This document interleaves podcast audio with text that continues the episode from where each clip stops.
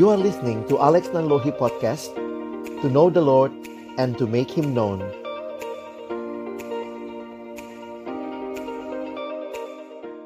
Bapa di dalam surga, kami datang dalam ucapan syukur pada hari perhentian yang kau berikan kepada kami. Terima kasih.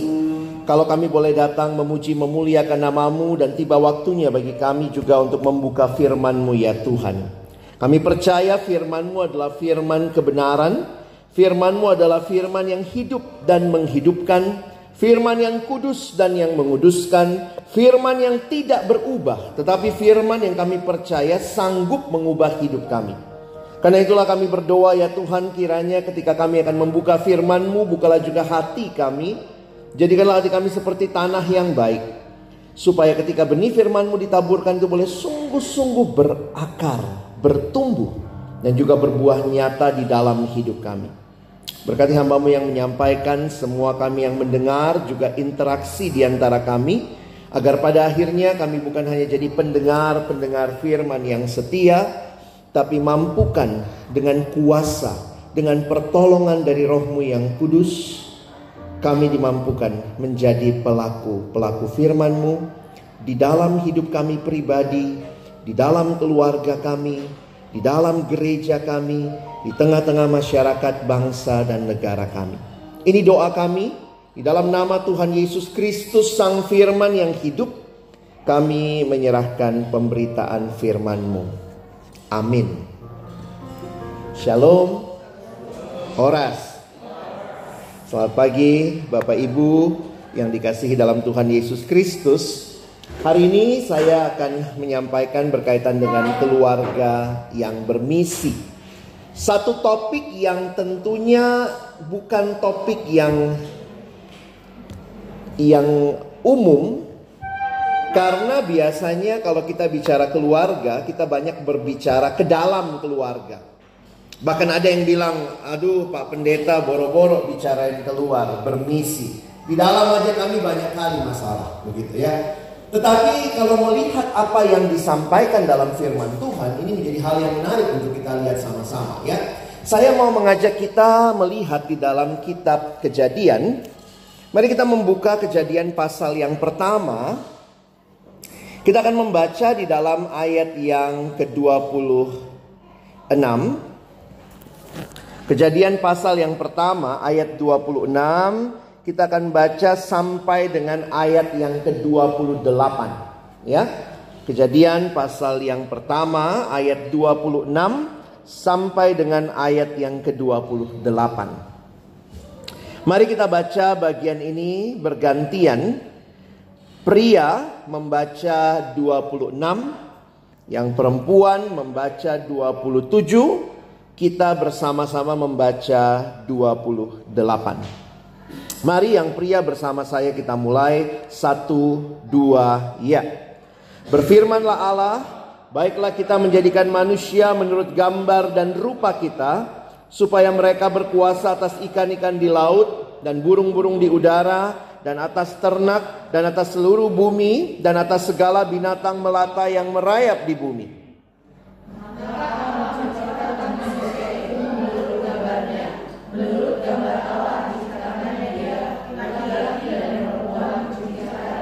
Sama-sama.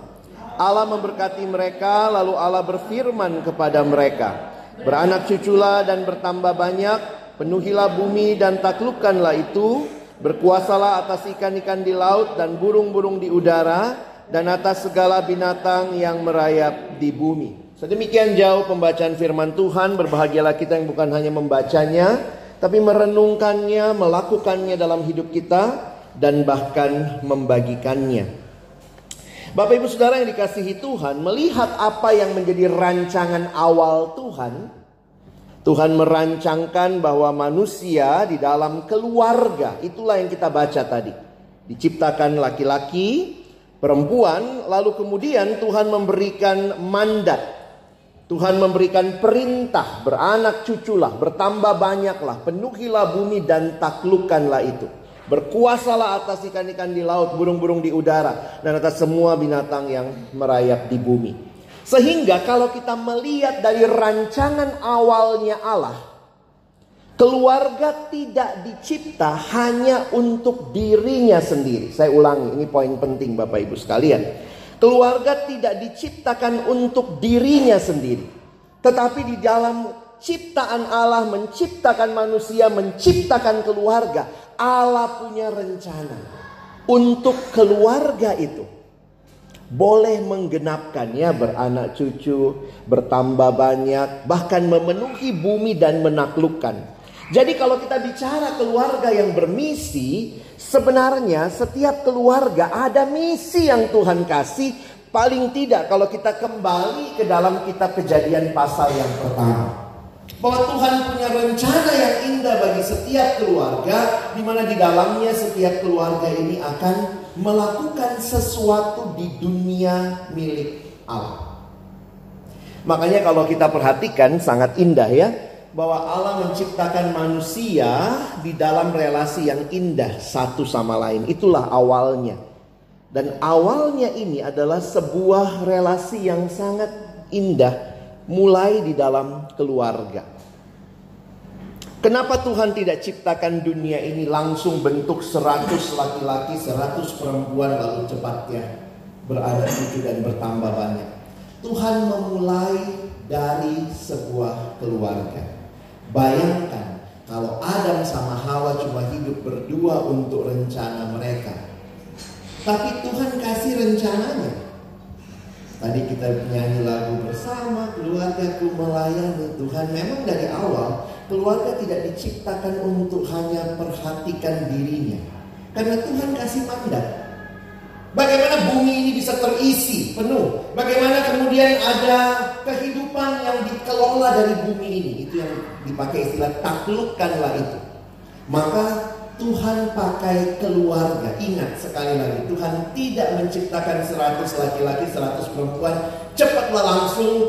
Tapi Tuhan mulai dari satu Adam, satu Hawa itu berarti sebuah keluarga dan kemudian keluarga ini menjalankan misi Allah.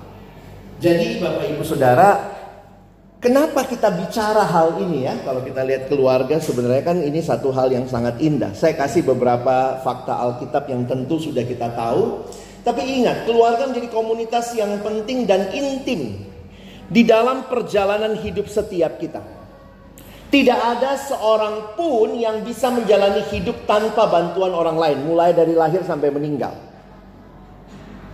Tidak ada bayi begitu lahir langsung bisa beli susu sendiri, nggak ada. Dia butuh orang yang lain, dan itu menggenapkan apa yang Tuhan sendiri katakan. Beranak cuculah bertambah banyak, sadari dari awal Tuhan memerintahkan manusia untuk hidup dalam keluarga. Ya, ini jadi penting buat kita. Nah, selanjutnya karena itu, karena kepentingan itu, bayangkan siapa yang paling tidak suka sama rencana Tuhan? Si iblis ya. Siapa yang paling tidak suka keluarga menggenapkan apa yang Tuhan mau? Tentunya si iblis. Makanya kalau kita perhatikan Bapak Ibu Saudara, saya tulis begini. Tuhan memakai keluarga untuk membentuk umatnya. Apa yang telah kuperintahkan pada hari ini harus diajarkan berulang-ulang pada anakmu. Ini semua kan rencana indah Tuhan mendidik anak-anak dalam ajaran. Jadi Tuhan mendesain keluarga sebagai relasi yang membangun pengenalan akan Tuhan, ingat itu. Dan berfokus pada anggota lain. Makanya kalau nanti perhatikan, ketika jatuh dalam dosa, Tuhan bukan jadi fokus dan boro-boro fokus sama anggota keluarga yang lain. Karena itulah perhatikan ya, mengingat betapa berharganya dan pentingnya kehadiran sebuah keluarga, tidaklah mengejutkan kalau iblis menjadikan keluarga sebagai sasaran empuk. Begitu keluarga itu sudah jatuh dalam dosa, dan inilah realita manusia yang sudah jatuh dalam dosa, maka yang terjadi adalah bukan lagi relasi yang indah. Boro-boro menggenapkan rencana Tuhan.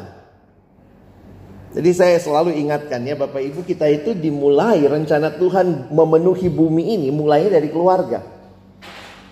Tapi kalau kita lihat kan di kejadian 4. Kejadian 3 ya seorang suami menyalahkan istri. Waktu ditanya, Adam kau makan buah pohon itu? Harusnya kan ngaku aja. Adam kau makan coba Bapak Ibu kalau saya tanya. Sarapan nggak tadi pagi? Sarapan gitu kan ya. Kau makan buah pohon itu apa kata Adam? Perempuan. Siapa yang Adam salahkan? Hawa dan ular. Adam nggak ngomong soal ular. Tuhan. Perempuan yang kau tempatkan di sisiku. Tuhan singa-singa si cewek. no woman no cry. Gitu kali ya. Perempuan yang kau tempatkan di sisiku. Dialah yang memberi aku makan dari buah pohon itu. Makanya aku makan. Ngaku juga belakangnya ya. Tapi itulah dalam dosa bukan other oriented but saya. Jadi kalau kita perhatikan tidak heran kalau harus beranak cucu bertambah banyak. Betapa teganya seorang abang bunuh adiknya sendiri dosa merusak dan yang dirusak di awal adalah keluarga. Makanya kita lihat seorang suami menyudutkan istri atas kesalahan yang dia perbuat sendiri. Seorang istri berusaha menguasai suaminya. Kalau Bapak Ibu perhatikan sebenarnya itu satu istilah yang di dalam bahasa aslinya kalau kita perhatikan kan dibilang tapi istrimu akan berahi terhadap engkau. Nah, istilah itu sebenarnya punya pengertian yang istri ini ingin berusaha menguasai suami. Jadi memang ini jadi pergumulan, tidak mudah ya. Dan ini yang tadi, pembunuhan pertama dicatat bukan di dalam kalangan yang lain, tapi di tengah keluarga. Makanya kalau kita perhatikan, saya pikir begini Bapak Ibu ya, saya mau kasih landasan pemikirannya begini. Keluarga di dalam dosa nggak sanggup bermisi, boro-boro bermisi. Mungkin yang terjadi cuma permisi, gitu ya. Nggak permisi orang itu. Kenapa? Karena selalu fokusnya adalah diri sendiri. Sementara misi itu fokusnya yang lain. Boro-boro diri sendiri. Waktu kita cuma pikir diri sendiri, perhatikan Bapak Ibu Saudara ya. Kalau bahasa Inggris kita ajar anak kita, how do you spell sin?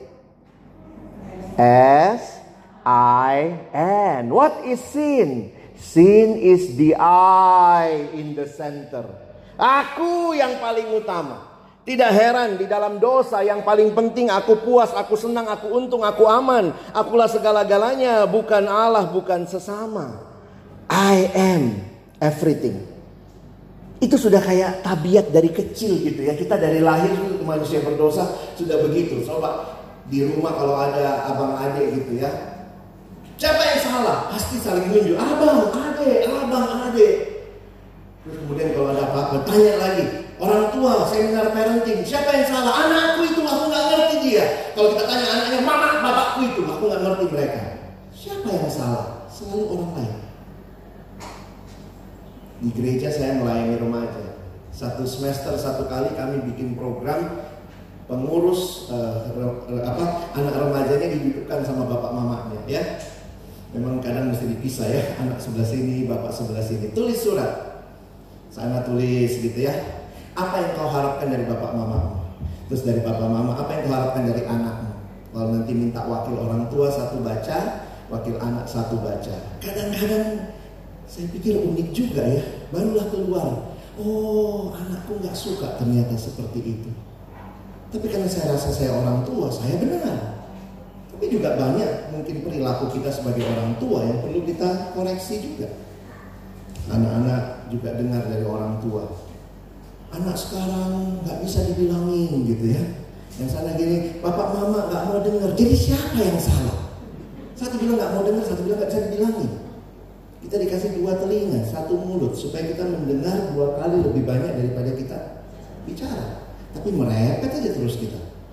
Karena kita rasa dengan merepetlah anak kita akan takut, akan ngerti. Tapi kita nggak belajar mendengar anak. Anak pun nggak belajar dengar orang tua. Baru bapaknya ah kolot. Jadi memang ini jadi unik ya. Di dalam dosa. Jadi jujur aja Bapak Ibu waktu saya dapat tema ini. Kayaknya saya harus ajak kita kembali dulu ke dasar hidup Kristen. Kalau enggak, kalau kita enggak bereskan pergumulan dosa, Yesus tidak jadi yang utama di keluarga kita. Omong kosong itu bermisi. Yang terjadi cuma program. Kenapa? Disuruh bikin misi, ya bikinlah kita, apalah program kita. Tapi sebenarnya tidak ada pemulihan relasi. Keluarga di dalam dosa. Memang tidak ada keluarga sempurna ya. Saya harap kita paham itu juga. Jangan utopis soal ada keluarga sempurna. Tidak ada keluarga yang sempurna. Tapi ada keluarga yang punya pengharapan untuk berubah. Amin. Itu yang kita harus yakini ya. Jadi jangan kayak keluarga Bart Simpson ini ya. Kalau di foto hidup sehari-hari kita banyak kali bagus foto kita di ruang keluarga ya. Pergilah ke studio mana bayar sekian juta, di Pergilah di atas kanvas, bagus sekali itu semua duduknya manis, opungnya duduk begini, ada anaknya di kiri kanan. Padahal sehari-hari begini ya fotonya. Ini yang harusnya dipasang. Ini foto aslinya gitu ya. Uh, saya agak skeptis dengan foto keluarga belakangan ya, karena saya nggak pernah bagus kelihatannya, agak gemuk dari sini dari situ. Tapi itu realitanya. Hati-hati kalau ternyata juga itu cuma pencitraan. Kita pasang pula di Facebook kan, kita ganti atasnya, wah inilah keluarga. Padahal antara menantu sama mertua, wih sudah lebih banyak lebih lebih dari perang Ukraina itu. Tapi ya itulah ya, itu realita yang kita hadapi. Mari kita sama-sama berjuang. Tidak sedikit keluarga juga yang ketika berantem bapak ibu, ya memang biasanya yang jadi korban anak-anak, ya. Dan ketika harus berpisah, sering kali memang yang jadi korban anak. Anak kadang berbicara, saya juga nggak minta dilahirkan, begitu ya. Tapi itulah realita kalau kita tidak berjuang, ada situasi yang tidak mudah. Belum lagi di dalam keluarga, bahkan keluarga Kristen juga masih ditemukan KDRT. Mungkin KDRT sudah makin sedikit karena bahkan nggak boleh memukul anak di sekolah juga nggak boleh dipukul ya tapi belum tentu mereka bertumbuh dengan baik karena banyak yang disakiti dengan perkataan ada yang bilang begini kalau dipukul pak dua minggu hilanglah bekasnya tapi sekali dikatain nggak bisa ditipex ya bodoh kau sudah, terekamlah aku anak yang bodoh, aku anak yang bodoh. Hati-hati dengan perkataan ya. Kadang-kadang kita mesti bikin seminar berkata-kata ya. Bapak sama ibu, istri, suami ya. Hati-hati pakai kata apa? Kau itu selalu. Hmm. Kalau yang cewek langsung dia ingat. Selalu. Baru tiga kali merasa. Wah itu cewek. Yang perempuan ya. Hati-hati pakai kata selalu. Ada tiga kata golden words ya. Tolong, terima kasih dan maaf. Tapi sering kali itu nggak ada di percakapan kita. Yang adalah kau selalu, kau nggak pernah, aku selalu. Jadi seolah-olah aku yang paling benar.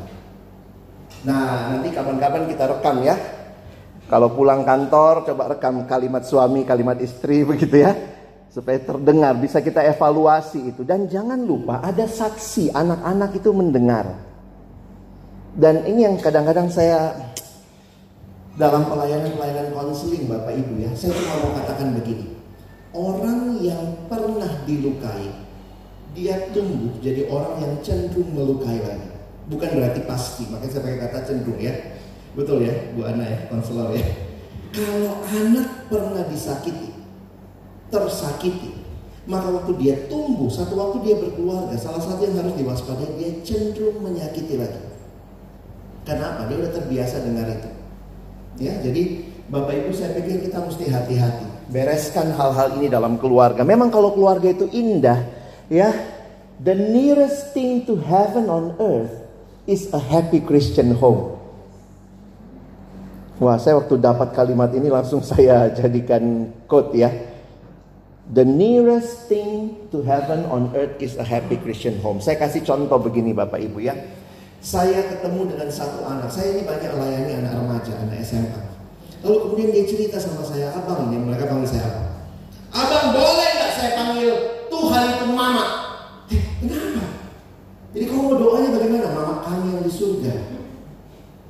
Terus saya bilang kenapa kau seperti ini? Tidak ada yang bagus dari bapakku. Bapak suka mukul mama, salahkan kami anak-anak dibanting kursi, dipukul pakai uh, rim ping pinggangnya. Jadi setiap kali bicara Bapak kami yang di surga, yang terbayang Bapakku. Jadi saya mau ganti Mama kami yang di surga. Karena Mama adalah orang yang paling baik. kurasa di hidupku. Nah Bapak Ibu kemudian saya bicara sama dia secara teologis yang nggak bisa. Dan kenapa kau tetap harus doa Bapak kami? Supaya kau tahu, meskipun Bapakmu di dunia tidak sempurna, kau punya Bapak sorgawi yang sempurna. Nah waktu saya bicara seperti itu, barulah kemudian dia boleh mulai mengerti. Tapi kemudian saya jadi sadar begini Bapak Ibu ya, Tuhan itu kepada kita bicaranya bahasa keluarga. Dia suruh kita panggil dia Bapak. Kita saudara seiman disebut kalau lihat terjemahan Alkitab bahasa Inggris brother and sister, saudara saudari, kau saudaraku, kau saudariku. Jadi sebenarnya kekristenan berbicara banyak bahasa keluarga. Jadi kalau kita sudah hidup baik-baik sebagai keluarga, anak-anak tuh nggak jauh dari Tuhan. Waktu dia bilang Bapak yang baik, ah ya, uh, kayak bapakku ya, karena dia sudah lihat itu di hidup keluarga. Makanya ada anak, ada kadang-kadang begini ya, orang tua merasa, saya sudah kasih anakku ke gereja, kok nggak jadi baik dalam hati saya. Dia ke gereja satu minggu cuma satu jam, dua jam. Dari mana dia belajar konsep bapak? Yang berdiri di depan itu kakak naposonya mungkin, dan itu bukan bapaknya. Sementara dia harus berdoa kepada bapak yang di surga. Hati-hati kita merasa kita titip anak kita, dia harus jadi baik di tempat lain. Saya bukan berkata tidak mungkin Tuhan juga bisa menggunakan uh, remaja kita, tapi banyak kali kesaksian hidup kita sebagai orang tua, sebagai bapak dan ibu. Karena Alkitab banyak bicara Allah itu seperti ibu, seperti induk yang mengerami. Jadi kalau kita tidak menunjukkan kualitas itu, jangan harap anak-anak bisa dekat sama Tuhan. Ya tentu Tuhan bisa pakai cara lain ya saya ketemu seorang anak di gereja kami, bapaknya pergi tinggalkan mamanya, jadi akhirnya opungnya lah yang menggantikan. Tapi waktu dalam seminar begitu opungnya langsung bicara, tetap Pak, saya bukan bapaknya, tapi saya bilang opung bisa berikan figur bapak. Karena memang tidak semua keluarga sekali lagi sempurna dan lengkap ya. Nah jadi Bapak Ibu ini tanggung jawab ya Waktu saya baca kalimat ini tanggung jawabnya besar, bukan cuma enak di kot apa ya, kutipan bagus. The nearest thing to heaven on earth is a happy Christian home, but how you build your Christian home as father, mother, brothers and sisters. Karena itu sebelum berbicara tentang misi di dalam Alkitab ada masalah relasi yang harus diperbaharui dan itu terjadi di dalam Kristus. Menarik sekali satu kitab yaitu Efesus Kitab Efesus itu bicara dua relasi. Kalau Bapak Ibu nanti mendalami Efesus, kita lihat ada dua relasi. Paling gampang ingat salib. Salib itu ada dimensi vertikal hubungan dengan Allah. Lalu ada dimensi horizontal hubungan dengan sesama. Nah, perhatikan ketika saya didamaikan dengan Allah, maka bukan cuma itu hidup rohani, hidup rohani itu juga dalam relasi satu sama sama lain. Makanya setelah Rasul Paulus menceritakan bagaimana hidup di dalam Kristus yang dibaharui, dulu kamu seteru Allah, kamu musuh Allah, kamu harus dimurkai, maka sekarang kamu didamaikan dengan Allah. Tapi dia nggak berhenti di sini. Seorang penafsir Alkitab namanya Pendeta John Stott, judul tafsirannya terhadap kitab Efesus dia sebut sebagai God's new society. Tuhan tidak hanya menyelamatkan seorang pribadi, tetapi Tuhan membaharui dan yang dibaharui di mana? Keluarga. New society. Bapak Ibu ingat yang berdosa di kejadian satu siapa? Keluarga. Maka yang harus dibaharui juga untuk membaharui dunia, Tuhan mulai dengan pembaharuan keluarga ayat kunci yang diberikan itu Efesus 5:21. Nanti kalau Bapak Ibu baca, kita mungkin lebih sering atau mungkin pas menikah, Bapak Ibu yang dihotbahkan 5 ayat 22 ke bawah ya. Ketepatan kalau kita lihat di Alkitab cetak kita, di Alkitab tercetak kita, itu paragrafnya naik ke atas. 5 ayat 22 itu paragraf baru. Tapi kalau Bapak Ibu nanti lihat terjemahan bahasa Inggris, itu nyambung. Ini tidak boleh dipisahkan dari bawahnya. Masih ingat di bawahnya ayat, ayat apa? Hai istri, tanduklah suamimu gitu. Ternyata ini ayat kuncinya. Kalau saudara sudah didamaikan dengan Kristus dan didamaikan dengan sesama, maka harus terjadi rendahkanlah dirimu seorang kepada yang lain di dalam takut akan Kristus. Jadi sebenarnya ini prinsip dasarnya Bapak Ibu. Jadi kalau kita baca ayat di bawahnya, nah ini ya suami istri kan 522 ini ya. Jangan kita pikir yang harus merendahkan diri siapa ini? Kayaknya perempuannya ya. Hai istri tunduklah kepada suamimu. Kesannya perempuan yang harus merendahkan diri. Tidak karena ayatnya seorang kepada yang lain. Yang jatuh dalam dosa kan bukan cuma yang perempuan. Yang laki-laki juga. Karena itu setiap orang yang merasa dirinya lah segala-galanya. Akulah, akulah, akulah, akulah. Perlu dua-duanya saling menundukkan diri. Nah bentuk ketundukannya perhatikan. Hai istri, tunduklah kepada suamimu seperti kepada Tuhan. Jangan jadikan ayat ini ayat untuk mengabuse lawan ya, pasangan kita. Karena apa? Ada ayatnya, kau mesti tunduk sama aku. Tapi lihat baik-baik. Hai suami. Bapak Ibu nanti perhatikan di Alkitab. Mana lebih banyak ayatnya? Buat istri atau buat suami? Hmm? Enggak. Istri itu cuma ayat 22. Yang banyak ke bawah itu buat suami. Coba lihatlah, buka Alkitab kita ya. Biasanya yang lebih panjang itu yang lebih bermasalah kan orang itu ya. Menarik sekali kenapa Paulus mulai dengan istri dan itu ayatnya cuma dua ayat kalau saya tidak salah ingat ya kita lihatlah ya. Nah coba buka ayat 22. Hai istri, tunduklah kepada suamimu seperti kepada Tuhan karena suami adalah kepala istri sama seperti Kristus adalah kepala jemaat. Dia yang menyelamatkan tubuh karena itu sebagaimana jemaat tunduk pada Kristus demikian juga lah istri kepada suami dalam segala sesuatu. Tiga ayat. Dua dua, dua tiga, dua empat. Suami dua lima, dua enam, dua tujuh, dua delapan, dua sembilan. Jugul kali suami ini ya. Banyak kali ayatnya ada orang yang kena penyakit jugulisme Bapak Ibu ya. Waktu lihat saja ayatnya kita jadi tahu kayaknya suami harus berjuang mengasihi istri itu bentuk ketundukan. Perempuan ini tadi ayatnya ya.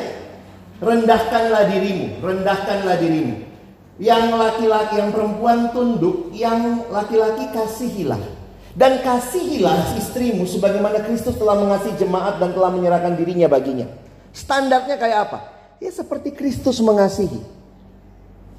Jadi logikanya istri akan tunduk kepada suami yang mengasihi. Amang, kalau istri kita nggak tunduk sama kita mungkin kurang kasih kita ya. Tapi istri juga gitu ya, udah dikasihi nggak tunduk-tunduk. Malah tanduklah suamimu tanduk terus gitu ya. Dan ini lihat ayat 33, bagaimanapun juga bagi kamu masing-masing. Ini bukan perintah merendahkan perempuan, tidak. Masing-masing berlaku. Kasihilah istrimu sendiri seperti dirimu sendiri dan istri hendaklah menghormati suaminya. Belajar tunduk, belajar hormat. Ya, saya pikir itu kalau buat orang Batak itu bukan cuma di dalam ayat Alkitab ya, di budaya kita juga uh, orang Batak kan diajarkan seperti itu ya. Dan ini bukan hal yang aneh karena ini adalah apa yang Tuhan perintahkan. Sekarang lihat anak sama orang tua. Anak kata kuncinya taatilah, hormatilah. Itu anak.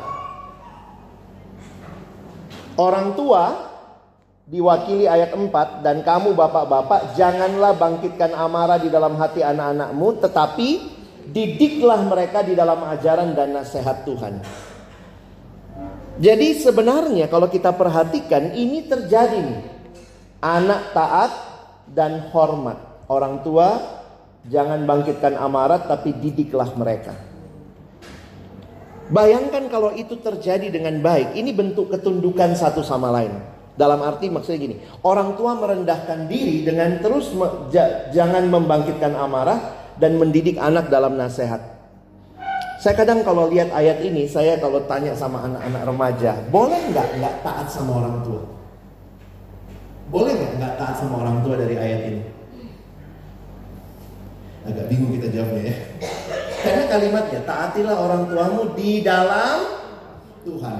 Kalau yang diminta orang tua kita tidak sesuai dengan kehendak Tuhan, siapa yang kita ikuti? Tuhan.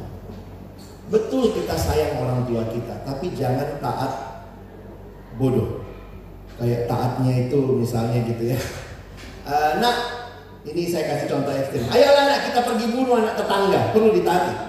Oh ada perintah orang tua nggak perlu ditaati. Banyak perintah orang tua itu kan cuma untuk ya apa dia mau. Pergi dulu pasang togel di sebelah ya. Nah, wah anaknya bergumul itu. Anak bangun mimpi apa semalam? Ada opung datang. Berapa nomor togelnya? Heh. Jadi banyak kali, tapi menariknya begini. Alkitab bicara ketaatan ada tingkatannya. Harus taat kepada orang tua dalam takut kepada Tuhan. Tapi waktu kita bicara hormat, itu kayaknya nggak ada lapisan. Alkitab nggak bilang gini, hormatilah bapakmu kalau dia bapak yang baik, bapak yang tanggung jawab. Hormatilah mamamu kalau dia perempuan yang baik. Nggak ada. Hormatilah ayahmu dan ibumu. Jadi seorang anak datang, ngapain saya hormati dia? Nggak ada dia kasih sama kami dari kecil sudah pergi sama perempuan lain. Tiba-tiba sakit-sakit mau pulang ke rumah kami. Ah nggak bisa saya mamaku terima dia. Dia nggak manggil bapak lagi, mamaku terima dia, aku nggak. Jadi apa yang kau lakukan? Ya itu, aku diamnya di rumah. Saya bilang dek, tetap hormat. Tapi dia nggak baik sama kami, tetap hormat dia bapak. Dalam ketaatan kau bisa memilih, tapi dalam hormat tidak ada pilihan. Saya pikir ini jadi bagian yang penting buat anak orang tua. Kita belajar saling tunduk dan saling merendahkan diri. Kalau ini nggak beres, susah bermisi ya. Karena yang satu selalu merasa misalnya istrinya merasa dijajah. Suaminya merasa dialah penguasa anak merasa ngomong sama orang tua pun nggak bisa. Kenapa? Selalu jadi sakit hati. Banyak anak akar pahit ya sama orang tua. Khususnya ke bapak. Maaf ya bapak-bapak ya. Saya cukup kaget juga itu ya. Dalam banyak survei ternyata di Indonesia itu banyak sekali anak masalahnya sama bapak. Tidak dapat figur yang cukup baik. Bapak terlihat orang yang bertanggung jawab selalu kerja tapi nggak pernah ngajak anak bicara. Nah itu sering kali terjadi. Waktu kecil bisa dekat sama anak, makin besar mulai anak punya pendapat sendiri, ya itu beberapa uh, figur bapaknya sulit sekali ya. Nah, jadi Bapak Ibu sekalian, kalau dosa itu fokusnya saya sendiri, orang dalam dosa itu titiriri prinsipnya, mati-matian untuk diri sendiri. Maka kita mau keluarga bermisi, alami dulu.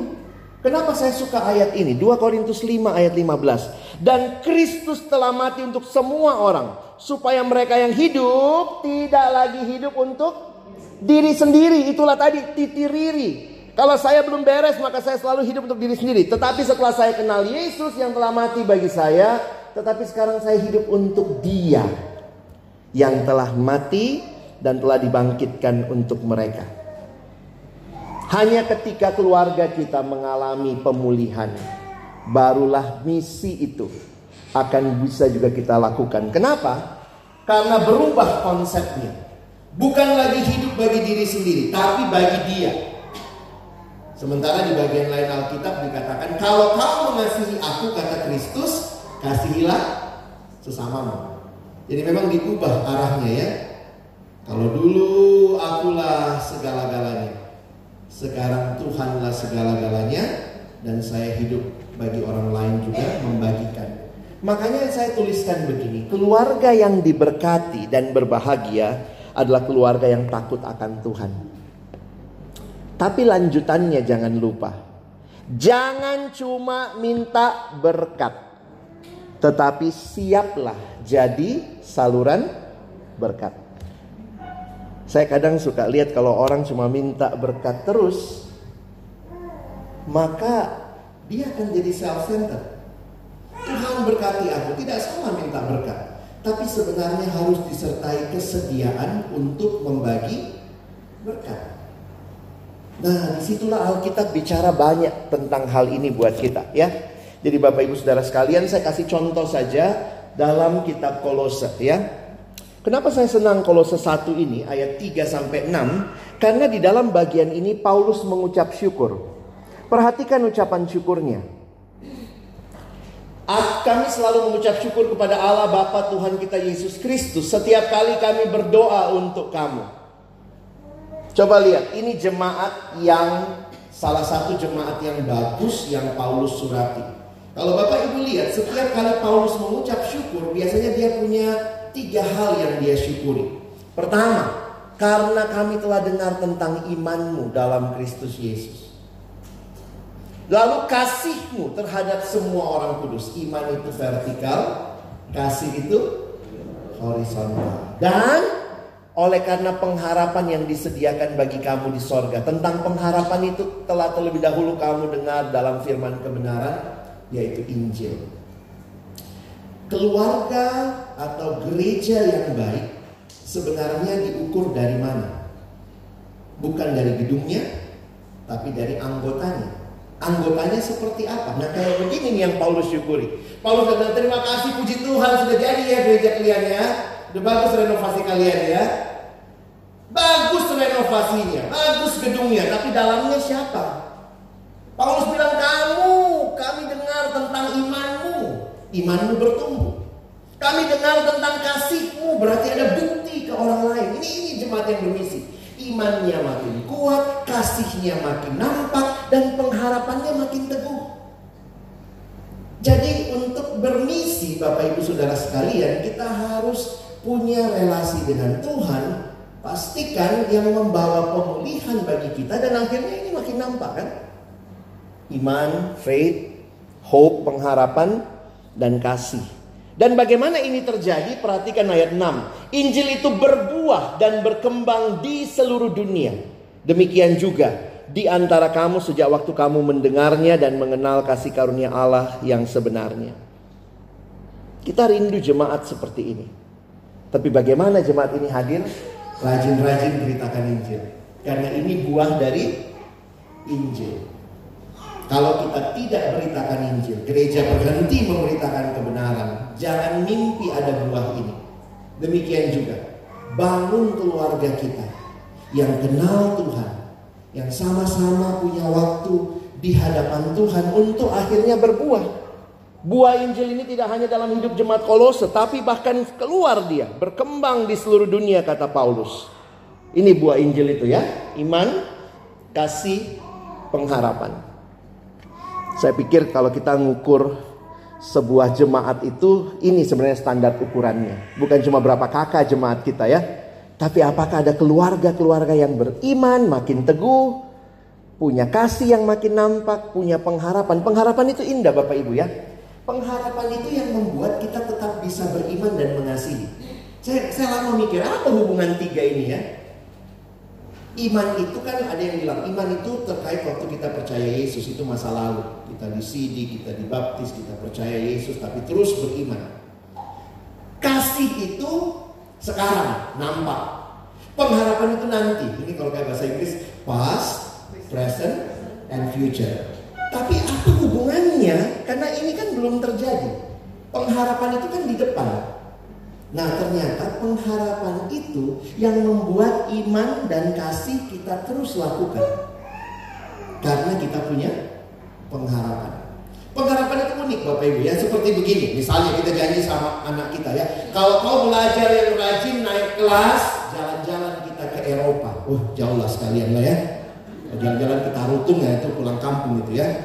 Yang yang dari jauh. Kalau kau naik kelas, nilaimu bagus, jalan-jalan kita ke Eropa. Tapi itu kan tahun depan kan naik kelasnya ya. Nah sekarang waktu dia malas belajar, aduh malas sekali belajar. Terus apa yang dia ingat?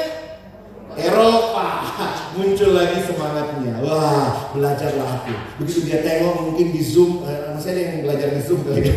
Udah masuk sekolah. Ah jelek sekali gurunya ngajarnya. Aduh dia tahu dia harus punya nilai yang bagus karena Eropa. Dia cari sendiri di YouTube, dia belajar sendiri Orang yang punya pengharapan akan terus bertahan hidup. Makanya sebenarnya orang yang paling mengerikan bukan orang yang sakit parah. Tapi orang yang sudah nggak punya pengharapan. Yang ngopong-ngopong ngangguk-ngangguk ya, udah ngerti ya. Wah. Kalau ada orang cuma sibuk sama sakitnya, nggak bisa ini aku, nggak bisa ini aku, ya sudah, kok nggak bakal bisa. Tapi kalau aku bisa, aku tetap punya pengharapan, aku mau imanku bertumbuh, aku tahu Yesus menyertaiku, maka kita terus. Orang yang paling sedih hidupnya bukan orang yang punya penyakit parah, tapi orang yang tidak punya pengharapan. Karena kalau dia sakit parah, dia punya pengharapan, bahkan bisa terus jadi jadi berkat. Ya, Wah itu itu indah ya. Nah, jadi kalau Bapak Ibu perhatikan, nah ini dibilang dalam bahasa Inggris, buah-buah Injil ini semua arahnya keluar. Itulah misi kan? Iman kepada Kristus, kasih kepada sesama ya. Bukan berarti kita nggak peduli sama diri kita, tapi kita sudah cukup sama Tuhan. Kalau kita sudah menikmati dengan Tuhan, sudah dipulihkan, keluarga kita dipulihkan, kita cukup dengan Tuhan, maka sebenarnya kan udah ya apa yang kita dapat kita bagikan lagi sama orang lain ya. Hope focus on the future. Dan ini semua dari mana? Ini adalah karunia Allah. Ini adalah kalau saya tulis supernatural in source. Siapa yang bisa kasih kita iman, pengharapan dan kasih? Hanya Tuhan sendiri. Miliki relasi yang baik dengan Tuhan, pulihkan keluarga kita dan kemudian ini jadi bagian yang indah keluar dari hidup kita ya. Makanya kalau kita bisa bermisi, ingat itu pun anugerah Tuhan, jangan sombong. Ya. To God be the glory. Nah, sekarang saya kasih sedikit contoh-contoh bagaimana keluarga yang bermisi. Nggak gampang Bapak Ibu ya, mendidik keluarga yang bermisi. Kenapa? Pertama kan kita harus mendidik anak-anak kita, diri kita juga punya hati yang mengasihi Tuhan dan mengasihi sesama. Jadi eh, kadang kalau ditanya begini, lalu apa Pak Pendeta yang harus kita lakukan? Nah Bapak Ibu yang paling kenal keluarganya ya, coba pikir-pikir apa ya yang bisa kita lakukan bagi keluarga kita bersama-sama ya untuk membangun iman. Karena kan tadi kita lihat ya iman yang kuat melahirkan kasih yang kuat juga mungkin kita perlu ya saya sama keluarga uh, kami sering juga jadi bukan hanya ibadah online kami buat ibadah sendiri lah di rumah ya seminggu sekali begitu ketepatan uh, ibu saya juga uh, agak sulit ke gereja karena terakhir ini kakinya baru selesai operasi lutut jadi memang jalan masih sulit jadi uh, kita ibadah di rumah sama-sama kenapa itu itu kami rasakan Benar ya, nonton TV juga bagus sih ya. Tapi rasanya gimana ya? Pengennya sih balik ke gereja, tapi kalau belum bisa ya maka kami buat ibadah sama-sama di rumah. Liturginya dari mana ya? Kita minta aja dari amang pendeta di gereja karena dikirimkan liturgi keluarga, kami bisa ibadah keluarga. Itu menjadi satu hal yang saya pikir sederhana ya. Mari kita bangunlah ibadah-ibadah keluarga yang mungkin akan menjadi awal kita lebih dekat lagi sama Tuhan. Lalu apa lagi yang dilakukan? Nah ini saya belajar dari teman saya ya. Dia bilang gini sebenarnya, jangan lupa ya anak-anak kecil itu katanya dia bilang soal anak kecil ya waktu itu. Anak-anak itu meskipun manis-manis mereka cantik-cantik, sekolahnya bagus-bagus, tetap manusia berdosa ya. Jadi butuh Injil, butuh hidup yang kenal Yesus. Dari kecil pastikan orang tua peduli dengan iman anak. Memang agak agak menyedihkan kalau kita bandingkan ya. Tentu perbandingannya nggak boleh ya kata Farel kan ojo dibanding banding ke ya. Tapi saya pernah ini saya cerita lah sedikit ya. Yang saya lagi berpikir sebenarnya refleksi saya bagaimana keluarga Kristen. Saya pelayanan ke satu sekolah Kristen di Jakarta. Kalau kemudian saya tanya sama anak-anak itu, siapa yang dari kecil Kristen? Ini anak SMA kebaktian sekitar 300 orang. Siapa yang dari kecil Kristen? Wah angkat tangan lah, namanya juga sekolah Kristen ya Bapak Ibu 85% itu dari kecil Kristen ya Udah namanya Maria, Marta, Yusuf, Markus ya Siapa dari kecil Kristen? Angkat tanganmu tinggi-tinggi ya deh Ya angkat mereka semua Terus saya tanya Boleh sekarang Bapak tanya Siapa yang sudah pernah baca Alkitab sekali habis Dari kejadian sampai wahyu Saya bilang pelan-pelan turunnya biar nggak malu Puji Tuhan Bapak Ibu ya, masih ada tiga anak tersisa. Saya nggak tahu anak pendeta kali itu. Tapi poin saya sederhana sebenarnya begini. Lalu keluarga-keluarga Kristen ternyata nggak terlalu senang kali ya anaknya baca Alkitab kali ya. Ini keluarga Kristen dari kecil. Ada juga yang bilang gitu, jangan terlalu banyak baca Alkitab, kritik kau nanti. Lucu ya, belon kau. Jadi orang baca Alkitab ditakutkan jadi gila. Tapi itu juga saya alami. Jangan terlalu fanatik lah, nggak usah baca-baca Alkitab itu. Ih, kalau dia baca buku porno lebih bagus. Itu nggak ya baca lah itu, bagus sekali itu. Syukur anak mau baca Alkitab. Itu kadang saya mikir ya, bingung memang jadi orang tua ini ya. Jadi waktu saya seperti itu, saya langsung membandingkan ya, walaupun nggak boleh. Tapi kira-kira begini, anaknya orang seberang, itu dia punya kerinduan sekitar kelas 3 SMP sudah hatam selesai baca Al-Quran. Memang sih kita nggak tahu dia cuma baca, maaf dia mengaji, dia mungkin juga nggak ngerti artinya ya, tapi yang penting sudah selesai. Makanya pulang sekolah anaknya ngaji. Anak kita pulang sekolah les. Matematika, fisika, karena kita takut juga kan nanti jelek matematikanya, nanti jelek kimianya, terus kita nggak takut kalau jelek imannya. Nanti jelek imannya, nggak apa-apa lah. Dipasu-pasu tiap minggu sama nggak ada duitnya. Makanya ya, Bapak Ibu saya pernah saya pernah ide gila ya. Saya pernah mengusulkan sekolah minggu bayar biar berasa orang tua kirim anaknya. Ini karena nggak bayar, udah ada lah orang-orang adik-adik kita nggak musuh layani anak sekolah minggu, anaknya nggak datang. Saya lihat ya bukan lihat, saya dengar ya. Saya curi-curi dengar ibu-ibu sore-sore di depan rumah ya, rumah saya.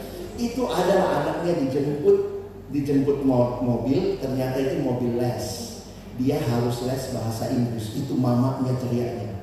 Hei, anggaplah si X, X, datang mobilmu cepat kau pergi. Anaknya mungkin malas ya les Inggrisnya. Malas mak, pergi kau. Udah mahal itu. Kalau sekolah minggu, aduh kasihan. Dari Senin sampai Sabtu udah capek kali ya aku. Hari Minggu biarlah dia tambah sedikit tidurnya, gak apa-apa lah. Ah, bayar lah ya Inang bayar sekolah minggu ya. Biar merasa kita kirim anak kita ya. Pergi kau nggak pergi bapak yang pergi. Mama yang pergi. Memang kadang-kadang saya pikir kita nggak punya usaha yang cukup serius lah saya bukan menghakimi ya karena saya juga lihat ini terjadi di keluarga saya juga. Kalau yang dibayar serius kita. Yang nggak dibayar nggak apa-apa lah nggak pergi. Nanti kalau kakaknya telepon, kenapa nggak datang anaknya? Aduh, udah capek kali dia dari Senin sampai Sabtu. Aduh, banyak kali lesnya. Dalam hati. Dikurangi lesnya gitu ya? Nah, itu itu kira-kira mengevaluasi kita ya. Karena apa? Kita ada di, di negara yang katanya Alkitab firman Tuhan, cinta Tuhan, tapi anak kita nggak baca. Bahkan di keluarga nggak mungkin ya saya nggak berharap memang harus baca selesai ya namanya dia pasti dalam tahapan perkembangannya. Tapi apakah ada waktu bersama keluarga duduk sama-sama baca Alkitab? Mungkin itu komitmen sederhana kita sebulan sekali kalau masih setiap hari nggak bisa lah Pak Pendeta. Oke lah seminggu sekali masih berat juga Pak Pendeta. Ya udah sebulan sekali ada family altar kita duduk sama-sama kita baca Alkitab. Kalau semakin menikmati kita buat dua minggu sekali. Jangan jangan langsung kayak, uh keluarga itu yo setiap minggu gitu loh kita bikin kayak gitu. Terus kita, apa kayak gitu ya. Di belon benar itu nanti. Tapi mari kita coba pikirkan, kenapa anak kita juga butuh Tuhan. Warisan terbaik yang Bapak Ibu bisa tinggalkan bukan matematika. Tentu itu berguna masa depan dia, dia bisa kerja, dia bisa sekolah, tapi warisannya adalah iman kepada Tuhan. Dan siapa yang bertanggung jawab? Kenapa kita cuma kasih sama remaja di gereja kita, kasih sama sekolah yang ada belajar agamanya? Apa bagian kita? Kita mesti pikir baik-baik soal itu ya. Maka misi keluarga mungkin yang paling sederhana adalah ya bersama anak-anak. Ada yang bilang tapi udah makin besar anakku makin susah ya. Memang karena dari kecil nggak dibiasakan ya. Tapi mari kita mulai. Kita coba apa yang bisa kita coba. Satu lagi teman saya punya kerinduan menarik ya. Kita tuh manusia berdosa, selalu fokusnya diri sendiri. Jadi dia mendidik anaknya dari kecil. Setiap kali ulang tahun jangan hanya tanya saya dapat hadiah apa. Tapi anaknya harus belajar saya akan berikan hadiah apa buat orang lain. Menarik juga tuh ya. Karena memang anak kecil begitu ya. Anak kecil punya orang yang tidak punya ya. Itu coklatku, coklatku diambil juga. Itu coklatnya semua punya orang diambil. Itu ciri manusia berdosa. Makanya sejak kecil kita perlu didik anak kita, belajar mengasihi. Jangan berpikir gini, nantilah kalau kita udah punya uang banyak baru kita bagi. Maka itu nggak akan pernah terjadi biasanya ya. Nah teman saya itu dia lakukan anaknya setiap kali ulang tahun, akhirnya mereka ke panti asuhan. Jadi dia anaknya terbiasa membagi ke orang lain, ya. Mungkin yang dibagikan juga nggak nggak banyak, tapi itu cara melatih pendosa self-centered ini untuk belajar mengasihi yang lain. Nah saya nggak tahu Bapak Ibu kan bisa berpikir lebih jauh lagi ya. Keluarga saya seperti ini Pak. Apa yang terbaik? Mari kita pikirkan sama-sama. Karena saya harap ini sesi yang bukan hanya kita dengar, tapi setelah kita tahu kita perlu membaharui relasi dengan Tuhan, kita perlu juga jadi berkat. Dan jadi berkat itu belum jangan terlalu jauh ya. Wah saya kami setelah dengar sesi hari ini keluarga kami mau bermisi ke Afrika. Eh tahe jangan dulu, sini dulu lah. Apa komitmennya? Mengunjungi mertua seminggu sekali. Jangan-jangan itu kali yang perlu dilakukan. Berat ya bu ya. Maka yang paling enak jadi perempuan siapa? Hawa, nggak punya mertua. Enggak lah ya. Tetaplah kita harus berdamai kan. Tidak ada mertua yang sempurna. Demikian juga tidak ada menantu yang sempurna. Tolong yang menantu juga jangan mertuaku begini begini begini dalam hatiku kau. kita selalu tunjuk orang lain tapi waktu kita tunjuk ada tiga ke sini. Ya, tentu tidak mudah. Tapi ini pengalaman iman untuk kita berbagi. Jadi misi itu dimulai dari hal-hal yang sederhana yang dekat dengan kita, ya. Jadi mungkin saya berhenti dulu di sini Bapak Ibu, silahkan kalau ada pertanyaan kita bisa diskusi. Sesudah itu nanti kita ada waktu untuk uh, ini ya. Silahkan ada mic bisa disebarkan. Ya, harus banyak nih biar bertanya. Baik, ada yang nanya? Ah, baru. Uh, terima kasih Pak Pendeta. Saya Sama-sama. tadi kan sesi ini tuh uh, lebih ke arah oh keluarga yang bermisi tuh karena tadi yang MC-nya tuh Eda Mona sama itu Ucuk, saya pikir oh keluarga bermisi itu semua melayani Tuhan. Oh, gitu oke. kan. Ternyata enggak ya sebenarnya ya. Enggak sama ah, maksudnya itu iya bagian tapi sebenarnya ada yang Iya, di, iya. lagi gitu.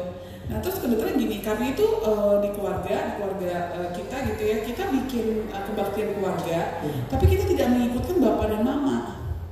Jadi kita saudara adik kakak nih berempat ya kita suami istri dan anak-anak.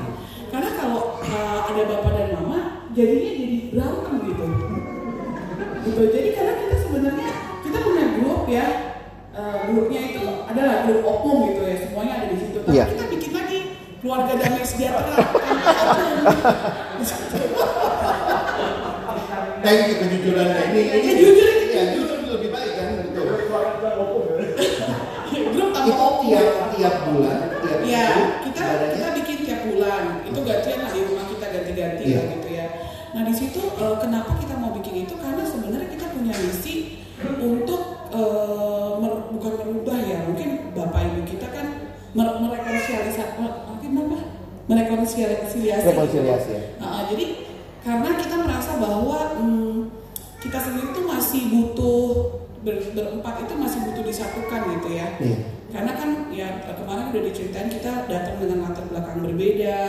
Kemudian kami juga kan istri-istri ini bukan latar belakang Batak gitu ya. Saya sendiri dari Bali, adik ipar saya dari Jawa, terus dari Nias gitu kan. Terus kami tuh dilayani oleh pendeta gitu kan. Dilayani oleh pendeta itu, tapi sebenarnya kami tuh pengen bareng-bareng gitu. Tapi uh, kalau pengen bareng-bareng gitu, tapi kok kalau ada mama bapak kok jadi kelihatannya bapaknya lebih galak gitu loh dari pendetanya. Jadi kemarin pernah kayak kita anak-anak, aduh gimana ya supaya ini bisa dilayani gitu loh. Karena iya. merasa bahwa keluarga kami tuh masih belum bisa apa ya, se maksudnya iman, pengharapan dan kasihnya tuh masih belum rekat gitu Hmm, terutama sama orang tua. Karena kita masih banyak uh, our baggage gitu loh. Oh, oke. Ada orang tua yang maksudnya pernah dikatakan sama orang tua ke kami semua gitu. Hmm, hmm.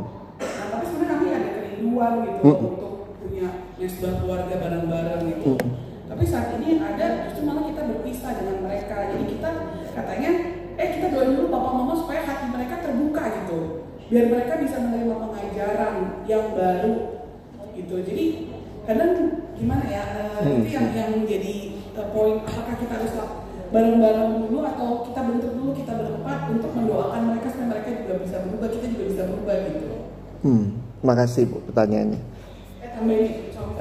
Iya. Mungkin aku tambahin eh, satu ya Pak, apa namanya? eh, kalau dulu kan kita pernah, ya tadi Bapak sempat bicara mengenai kebaikan anak ya terhadap Oh. Bapak ya itu itu kayaknya suatu hal yang mungkin bisa dibilang banyak terjadi di keluarga-keluarga Batak lah ya. Iya. Karena kita juga dididik juga dengan sesuatu hal yang sifatnya keras, Hmm. yang eh, mungkin kita berpikir itu adalah sesuatu hal yang tidak luka luka masa lalu lah ya. Nah dulu kita sebenarnya pernah ikut MOU lah dulu kayak rekonsiliasi momen LGBT dan segala macam itu salah satu triknya adalah buat trik sih salah satu caranya bagaimana kita terlepas dari ibaratnya kekaitan masa lalu Hmm. adalah melepaskan pengampunan. Pengampunan. Tapi waktu itu saya berpikir mungkin waktu itu kan wadahnya ada kita wadahnya ada sangat mo- modelnya seperti, Seperti kita ini. di kalau di hotel berapa hari segala macam ada yang dan segala macam dan kita uh, belajar untuk pengampunan tapi pertanyaannya adalah bagaimana buat uh, orang-orang yang mungkin nggak bisa ikut itu gitu loh maksudnya Hmm. bagaimana cara dia bisa menghilangkan uh, luka masa lalunya kaitan dengan orang tuanya Hmm. tapi mungkin tanpa bantuan dari mungkin program-program seperti itu mungkin Pak. Saya jawab yang terakhir dulu kali Pak ya karena saya lebih ingat juga. Memang di dalam beberapa hal kekristenan saya pikir kita harus mulai bicara yang namanya intentionality, disengajakan. Saya bukan berkata Tuhan tidak bisa bekerja lewat hal tanpa hal itu. Tapi saya juga agak ragu kalau tanpa hal itu misalnya kita berharap terjadi seperti yang kita alami. Jadi poin saya adalah em, saya sempat mikir gitu ya, kalau semua bisa diselesaikan oleh kita para pendeta, kenapa harus ada konselor? Ngapain sekolah-sekolah konseling? Karena saya ternyata memahami bahwa ada hal yang memang Tuhan tolong juga atau Tuhan kasih melalui orang-orang namanya konselor ya, konseling-konseling pernikahan atau konseling Kristen itu menolong terjadi eh, rekonsiliasi seperti itu. Nah makanya mungkin kita perlu ya, kita perlu dalam batasan tertentu. Kalau misalnya itu istilahnya ya akar pahit yang dia sendiri sebenarnya orang tuh beda-beda ya punya self determination ya. Ada yang kuat, ada yang lemah. Jadi kalau dia punya determination yang kuat, saya pikir dia tanpa itu misalnya atau dia cuma dengar, dia nonton YouTube bisa sendiri. Tapi kalau dia self determinationnya agak rendah, nggak nggak mudah. Itu mirip lah kayak eh, saya pernah ikut satu program kuliahnya di luar, tapi kita lewat belajar sendiri. Nanti kita kirim tugas. Ternyata nggak semua orang bisa begitu ya. Ada yang lebih senang suasananya harus kelas. Nah, nah di dalam konseling untuk mengatasi beberapa hal, saya pikir pertemu ketemu itu penting. Nah, makanya sekarang banyak eh, lembaga-lembaga konseling yang mungkin Bapak Ibu bisa refer sebenarnya begitu. Kalau karena begini juga, jangan harap gereja bisa melakukan semuanya juga. Saya juga pikir jangan eh, tentu gereja berusaha ya, tapi tetap kan ada keterbatasan sehingga kita bisa link sama lembaga-lembaga Kristen yang baik untuk melakukan hal-hal seperti itu. Oke, itu yang pertama yang eh, yang Bapak tanya tadi. Jadi saya tetap melihat eh, perlu dibangun sebuah sebuah wadah atau kalau paling tidak misalnya ada materi-materi yang bisa diberikan kepada orang-orang seperti itu. Kalau Bapak Ibu adalah orang-orang yang sudah mengalami, menikmati, saya pikir kita bisa share juga, ngajakin teman-teman kita. Yang kedua, pertanyaan tadi yang Ibu bilang, kalau satu bulan sekali, saya pikir boleh lah ya, enam bulan sekali ajak orang tua ya. Kan berantemnya cuma sebulan dalam dua kali dalam setahun ya. Dan sebenarnya begini, maaf ya, ini eh, saya nggak mengerti konteks keluarga karena itu saya bicara umumnya. Poin saya adalah begini, dalam kehidupan kita, kita tidak pernah bisa mengontrol perubahan orang lain. Tapi yang bisa kita kontrol adalah perubahan diri sendiri. Sehingga mungkin, ya ini saya pakai kata mungkin. Mungkinkah perubahan yang terjadi adalah perubahan anak yang makin tahan kepada orang tua yang mungkin sulit berubah? Kasih Bapak Ibu ditantangnya bukan dengan orang tua yang datang lalu mereka nggak marah-marah. Tetapi kalaupun mereka marah-marah, kami tetap mengasihi mereka. Itu perubahan iman dan kasih yang mungkin akan terjadi. Saya ketemu saya beberapa kasus yang karena kita nggak bisa buang keluarga kita, itu udah pasti. Nah, dalam banyak uh, sesi konseling suka ditanya begitu. Tapi kalau saya pulang, Kak, ketemu lagi bapak saya, toksik gitu. Saya akan nggak ini, saya nggak bisa, saya saya nggak bisa bertumbuh dengan baik. Makanya saya bilang juga gini, mungkin kamu keluar dulu dari rumah atau pergi tinggal di tempat lain, tapi ada saatnya kamu mesti balik. Ketika kamu makin dikuatkan sebenarnya, kalaupun orang tuamu belum berubah, pertanyaannya kamu berubah nggak? Nah perubahannya yang dia pengen adalah orang tuanya nggak begitu. Saya bilang mungkin perubahannya akan sulit. Kamu yang harus terima orang tua yang seperti itu. Jadi ya itu saya bilang ya kalau setiap hari toksik enam bulan sekali boleh lah ya jadi setahun dua kali konflik. Bukan konflik lah dua kali kita belajar terima ajak bapak mama untuk ibadah. Karena saya pikir kerinduannya baik ya kita nggak mau kan orang tua kita seperti itu terus. Jangan berhenti mendoakan karena memang cuma Tuhan yang bisa ubah hati. Tapi Tuhan bisa pakai kita komunitas kita untuk menolong hatinya berubah saya selalu ingatkan model begini Bapak Ibu ya. Kita sakit kepala nih, terus beli obat sakit kepala. Misalnya beli apa? Panadol. Banyak orang sudah tahu teorinya. Sakit kepala minum panadol, tapi nggak tahu cara pakainya. Jadi waktu kau sakit kepala kemarin, kenapa masih sakit kepala hari ini? Kau udah beli panadol? Udah. Terus kau apain? Saya taruh di bawah bantal. Ya nggak berguna. Mesti diminum. Bagaimana caranya? Saya tahu saya harus mengampuni, tapi saya nggak mau ketemu. Ya, nenek gondrong. Gimana cara?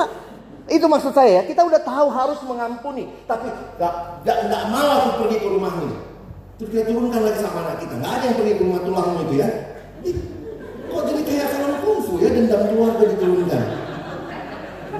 Tahu sih, Kristen tahu harus mengampuni, pokoknya saya nggak bisa, saya nggak mau. Ya kalau kamu sudah nggak mau nggak bisa, gimana lagi? Yudas itu dapat pemimpin kelompok kecil terbaik di dunia namanya Yesus. Tapi tetap jubul. Ya jadi hati-hati kita jadi orang Kristen banyak ikut kebaktian, seminar semua kita ikutin, tapi ternyata kita tahu teorinya, tapi kita nggak belajar mempraktekkan. Nah itu itu step lainnya. Mungkin itu kali. Ya silakan. Mau nyanyi atau? Pak, misi juga bisa nyanyi Pak. Bernyanyi buat orang lain. Ya, terima kasih. Selamat hari Minggu Pak Pendeta dan semua kita. Uh, ini hanya mungkin bisa share atau apa ya. Iya. Nah, menambah. Jadi Pak Pendeta, uh, kami ini orang Batak. Iya. Pertama, habis di uh, diberkati di gereja, Iya. ada adat. Mulai dari sinilah kami mungkin uh, konflik itu terjadi mungkin selalu. Karena sering di adat di budaya Batak itu konflik itu antara mertua dan mantu itu dicetuskan di pas adat. Pas menyerahkan ulos itu ulos hela atau ulos ke pengantin yeah. selalu orang tua atau mertua pesan kepada putrinya ke besannya tolong putri saya ini nakal, putri saya ini tolong nanti diajari menjadi permain yang bagus. Yang baik. Itu selalu. Apa pun itulah mulainya. Selalu. Karena apa? Mungkin budaya yang tadi kita bahas itu histori sudah konflik di antara mertua hmm. dan mantu dan sebaliknya. Itu yang terjadi di hmm. kehidupan rumah tangga. Makanya selalu diingatkan di adat Batak itu selalu dibilang seperti itu. Itu dasarnya yang pertama. Yang kedua, bagi saya Mutiara, uh, kalau nggak berantem nggak seru itu itu pertama. Saya bilang selalu seperti itu. Gak berantem seru. Tapi bagaimana kita manajemen Iya. konflik ini? Itu bagaimana? Jadi kalau nggak berantem Pak Pendeta dan semua saudara-saudara seru. Itu. Iya. Saya beratkan dengan Mama Sahata. Karena saya memang saat ini supir. Supir itu identik dengan rumah tangga. Nggak ada yang lulus berumah tangga. Kalau ada yang lulus berumah tangga, mungkin Tuhan Yesus nggak ada. Kenapa saya bilang supir dengan rumah tangga? Kalau nggak nabrak, ditabrak, disenggol. Itu. Jadi saya selalu bilang, mari kita cari keseimbangan. Itu yang pertama. Bagaimana kita pasti konflik dengan mertua, dengan karena ini kan relasi. Mm. Nah, di situ yang saya bilang Pak Pendeta, mungkin di konsep kita waktu pacaran juga cuma dua kan? Bagaimana mencari kecocokan di antara saya dan dia Hmm. dan kecocokan dengan dia dengan keluarga saya Huta Soek dan saya dengan keluarga Simamora. Mm. Nah, jadi di situ kalau kita damai-damai mungkin Tuhan Yesus nggak ada memaslahatan. Itulah kita masih berguna Tuhan Yesus kita puji dan dia kita bagaimana kita menuju keluarga yang kita cita-citakan. Iya. Itu aja. Terima kasih. Makasih ya. Saya perlu tanggapi.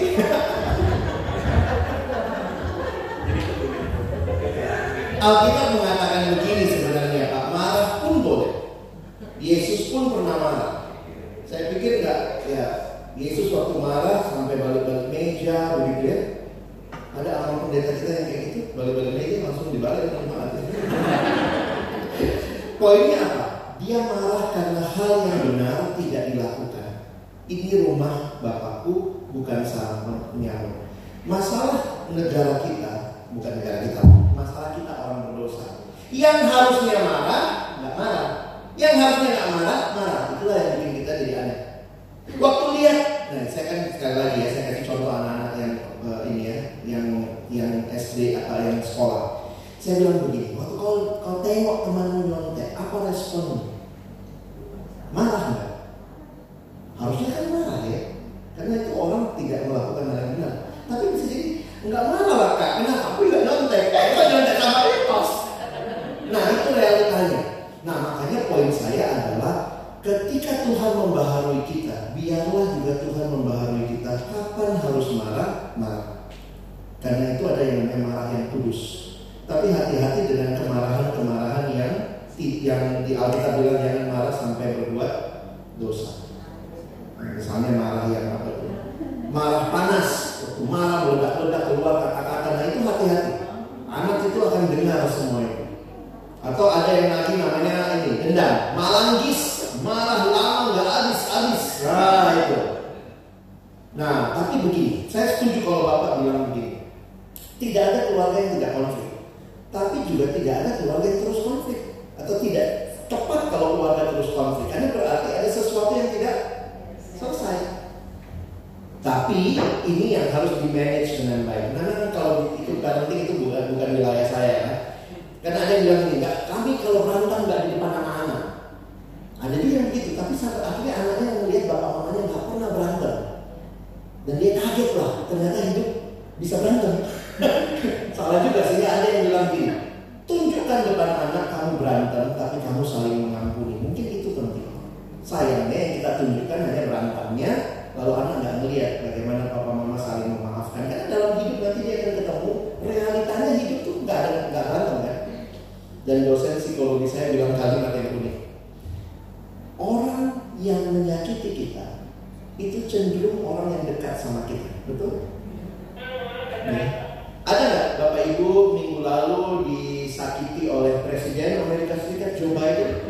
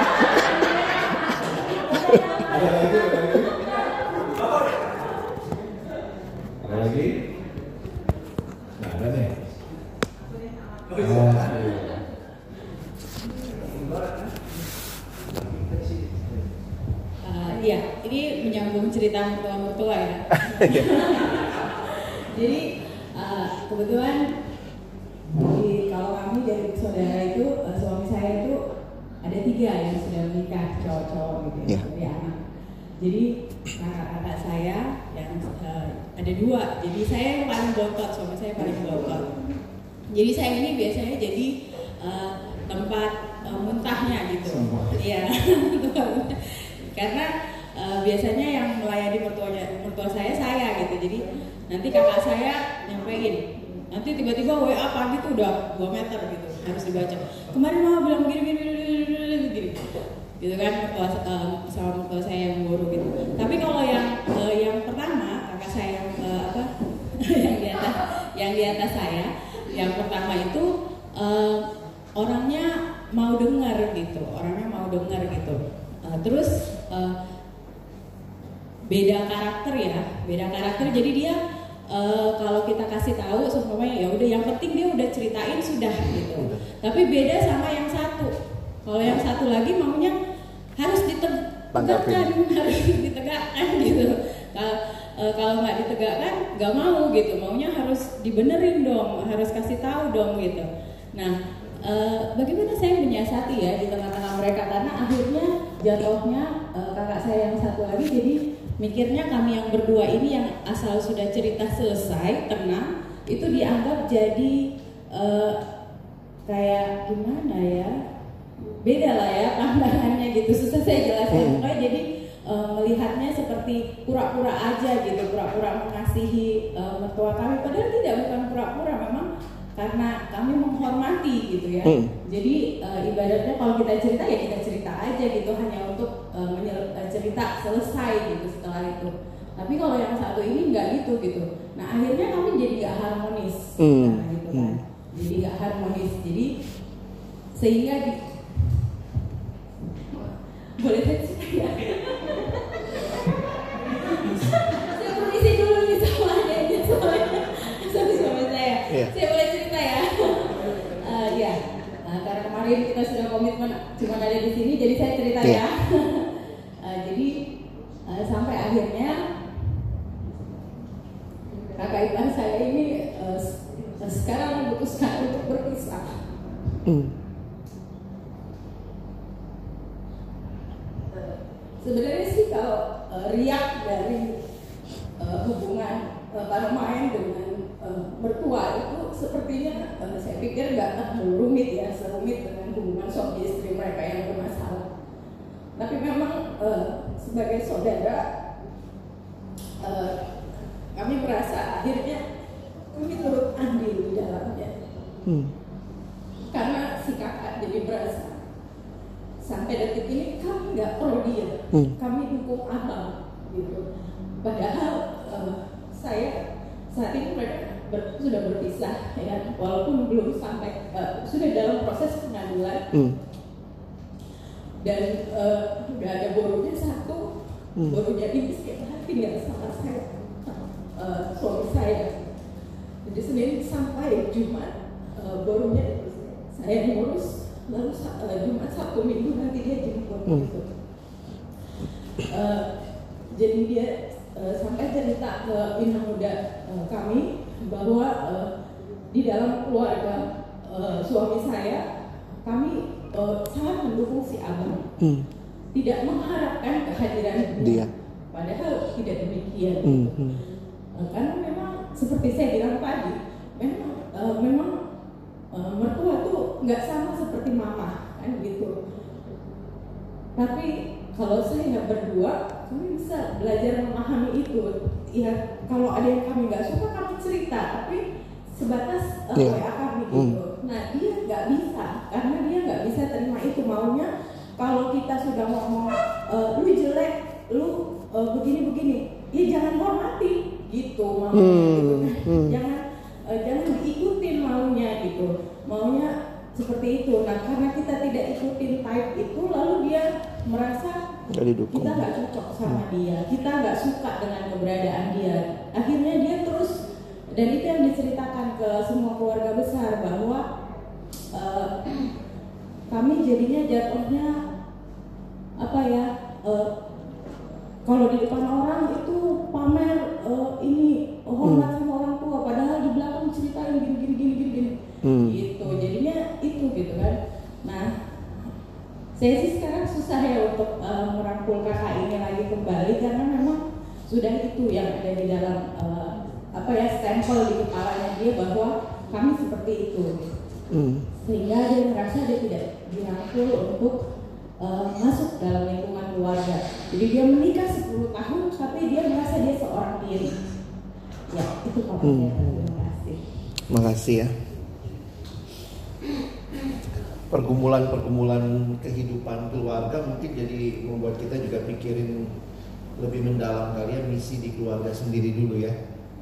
Sebelum juga pasti Tuhan bisa pakai kita juga buat misi yang di luar keluarga. Beberapa orang yang mungkin punya eh, dana, ada yang mendukung orang untuk sekolah atau mungkin anak keluarga juga yang tinggal sama kita itu juga jadi cara Tuhan ya.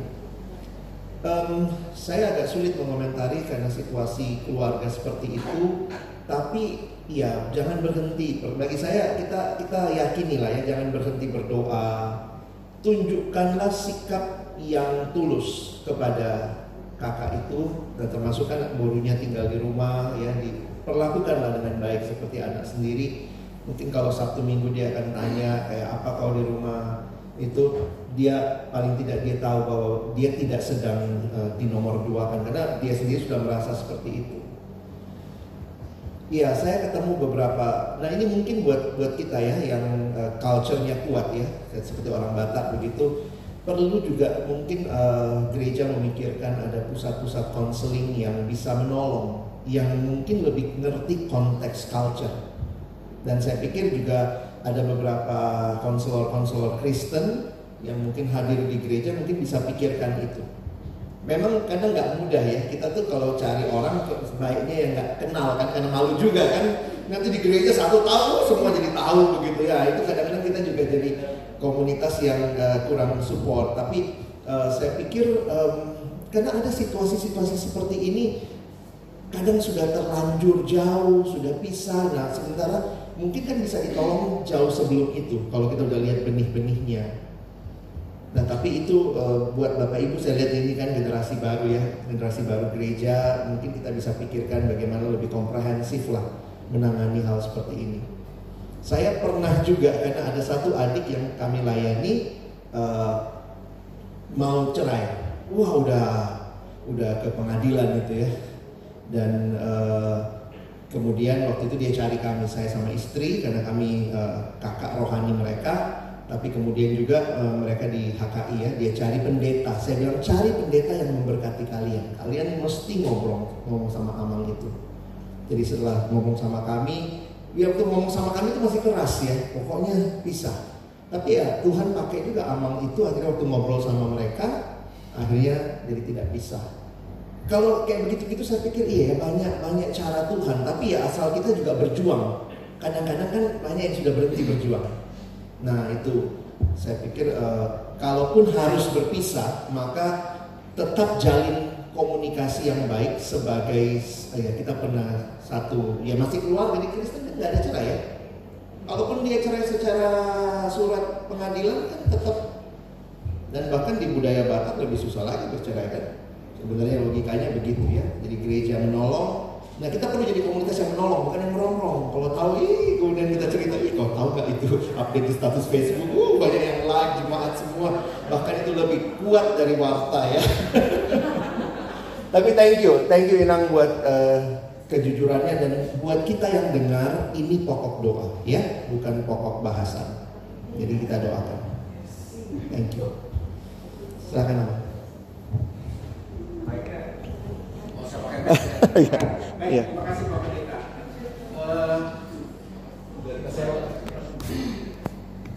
Saya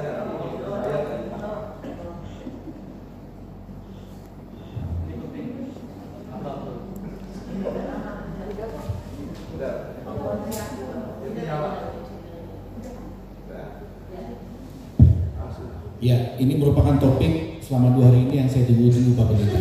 Oh ya. Eh, sangat menarik Pendeta terkait dengan menjadi keluarga yang bermisi. Eh, fenomena belakangan ini adalah saya melihat bahwa seolah-olah yang namanya ber- eh, menjadi keluarga yang bermisi adalah dia menciptakan ataupun menciptakan berbuat baik kepada seluruh orang di luar keluarga inti.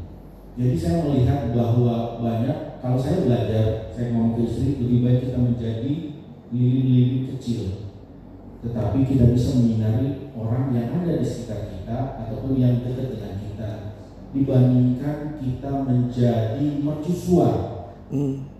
dia seolah-olah terang jauh padahal Di sekelilingnya. sekelilingnya dia di belakang di samping itu gelap Hmm. dan itu saya rasakan bahkan di gereja Pendeta Hmm. orang gereja itu hanya untuk Pamer. memframe diri sendiri dia menjadi keluarga bermisi dan ini terbukti pada saat kami mendirikan Pasutri itu banyak pergolakan di dalam gereja Ya. kami karena kenapa ternyata istri dan suami itu semuanya kalau kita lihat di gereja dia semuanya bermisi semua tetapi begitu kita tahu oh ternyata yang suami ke kanan yang istri ke kiri begitu duduk bersama kalau mendengar dari Bapak Pendeta berarti sebenarnya ini nggak bermisi gitu. Hmm. itu yang pertama kedua mendengar cita-cita yang tadi dari teman-teman itu kita kita lihat nih orang-orang orang tua kita yang di gereja itu semuanya aktivis. Gitu loh. Ternyata begitu kita tahu ada hubungan kepahitan dengan misalnya dengan menantu ada kepahitan dengan anak nah sebenarnya Hmm. itu sih Pendeta kami saya mau klarifikasikan apakah kita perlu menjadi mercusuar apakah enggak kita sebaiknya menjadi Hmm. lilin kecil lagi lah kecil tapi kita bisa menyalahkan apalagi kalau kita lihat filosofi lilin dia kan terbakar gitu Pak Pendeta itu aja Pak Pendeta Iya. terima kasih Wah, terima kasih Pak.